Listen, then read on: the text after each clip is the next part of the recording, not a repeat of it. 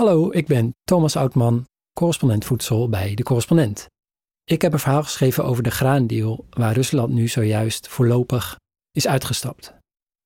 Iedere keer als die graandeal verlengd moet worden, geeft de EU een beetje meer toe aan de grillen van Poetin.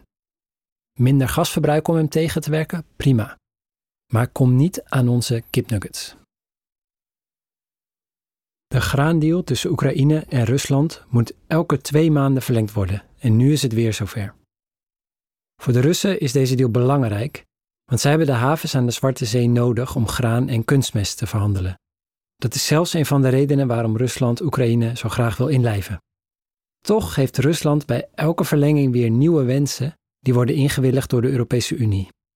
En ook deze keer spelen ze het snoeihard. Ze zijn voorlopig uitgestapt en eisen dat de sancties tegen de Russische Landbouwbank, de staatsbank van het Kremlin, worden verlicht. Het is nog de vraag wat er nu gaat gebeuren, maar tot nu toe heeft de EU telkens meer toegegeven. Kan de EU dan niets doen om die deal minder belangrijk te maken en zo steviger te staan in de onderhandelingen? Jawel hoor, minder vee houden. De Wereldvoedselorganisatie houdt bij waar de graanschepen onder de vlag van de graandeal heen gaan. Wat blijkt? Europa is by far de grootste afnemer. Na China zijn Spanje, Turkije, Italië en Nederland de grootste verbruikers en samen importeert de EU meer graan dan welk ander werelddeel dan ook. Waarvoor dit graan precies gebruikt wordt, is nog niet vastgesteld. Dat duurt even. Maar er is geen reden om aan te nemen dat dit deze keer anders is dan in eerdere jaren. Namelijk veevoer. Grootverbruikers van het graan zijn de pluimvee- en varkensindustrie. Zo importeerde Nederland in 2020 voor een miljard euro aan mais, waarvan twee derde uit Oekraïne. De merendeel daarvan werd opgescharreld door kippen in de pluimvee-industrie. Meer dan 90% van de bergen kippenvlees en eieren die dat oplevert, worden in Nederland en ons omringende landen opgegeten. Dat is niet noodzakelijk voor ons welzijn, integendeel. We eten er meer van dan goed voor ons is. Waarom doen Nederland en de andere Europese lidstaten niets, nul nada, om onze afhankelijkheid van Russisch veevoer te verminderen? In de Tweede Wereldoorlog verspreidde de Amerikaanse overheid een slogan onder haar bevolking: When you ride alone, you ride with Hitler. Dat is een van de vele overheidsacties om de bevolking aan te zetten tot zuinigheid. Carpoolen was het devies, om zo brandstof te besparen die hard nodig was voor de Amerikaanse jeeps waarmee Europa bevrijd moest worden. In Nederland hadden we de afgelopen winter de iets minder creatieve overheidsslogan Zet ook de knop om. De bedoeling was dat iedereen de thermostaat 2 graden lager zou zetten, van 21 naar 19 graden. We gaven massaal gehoor. Oké, was vooral omdat het gas zo duur was, maar het was toch ook fijn dat we op die manier meehielpen om Poetin buitenspel te zetten. We bleken ook gewoon zonder Russisch gas te kunnen. Zo draaiden we een belangrijke inkomstenbron van Poetin de nek om. Wat de Amerikanen ook deden tijdens de Tweede Wereldoorlog, doen wij dan weer niet. Minder vlees eten. Niet alleen in het bezette Europa ging voedsel op de bon, ook de Verenigde Staten kozen ervoor. Alles om hun bondgenoten te bevrijden.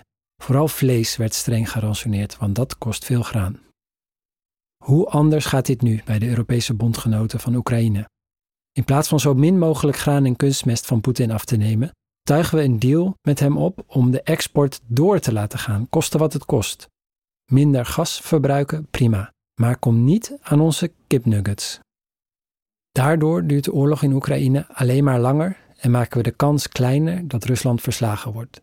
Na olie, gas en kolen zijn graan en ammoniak twee van Ruslands belangrijkste exportproducten. Ammoniak is een grondstof voor kunstmest.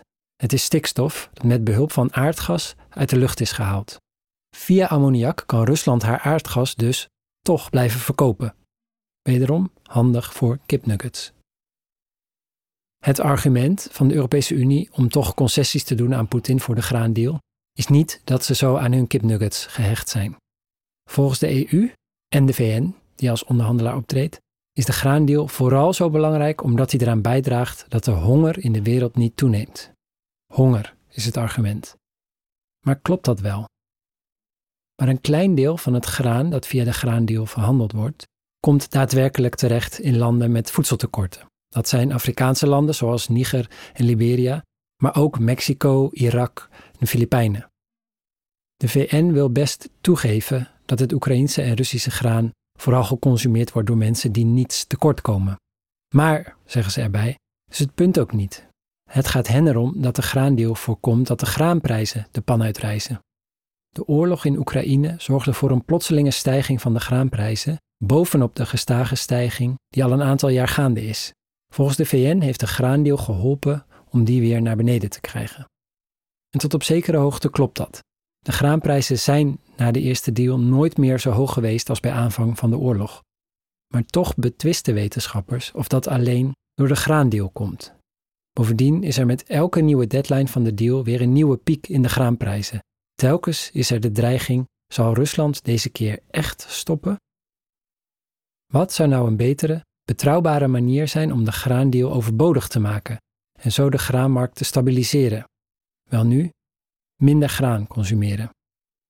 Door simpelweg een dieet te volgen dat gezond is voor mens en planeet, het zogenaamde Planetary Health Diet, waarin ook dierlijke producten zitten, maar wel minder dan nu, kan de EU een hoeveelheid voedsel besparen die gelijk staat aan de volledige graanproductie van Rusland en Oekraïne.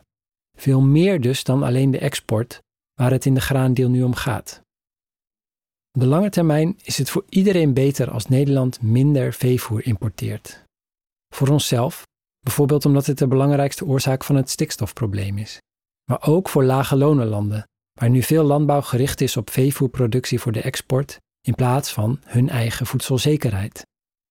We zouden onze focus op productie en consumptie van dierlijke producten massaal kunnen verleggen naar plantaardig voedsel. Net als de Verenigde Staten deden in de Tweede Wereldoorlog, om ons te kunnen bevrijden.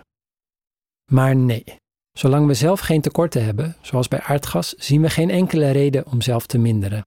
Dan maar wat concessies aan Poetin. In de Europese Unie vinden we vrijheid om ongestoord kip te kluiven belangrijker dan de vrijheid om in vrijheid te leven. Hopelijk krijgen we straks een overheid die niet alleen vraagt om de thermostaat een graadje lager te zetten, maar ook om een paar dagen in de week geen vlees te eten. Nog ideeën voor een sterke slogan? Mijn suggestie: wanneer je kip eet, dineer je met Poetin. Hallo luisteraar. Rob Wijnberg hier, oprichter van de correspondent. Geloven we nog in waarheid? Of geloven we alleen in onze eigen waarheid? In september verschijnt mijn nieuwe boek Voor Ieder Wat Waars. In de weken na verschijning vertel ik in een theatertour door het hele land hoe we allemaal onze eigen waarheid kregen. En hoe we weer tot een gedeelde waarheid kunnen komen. Wil je daarbij zijn? Ga dan naar decorrespondent.nl slash voor ieder wat waars. Of klik op de link in de show notes. Tot dan!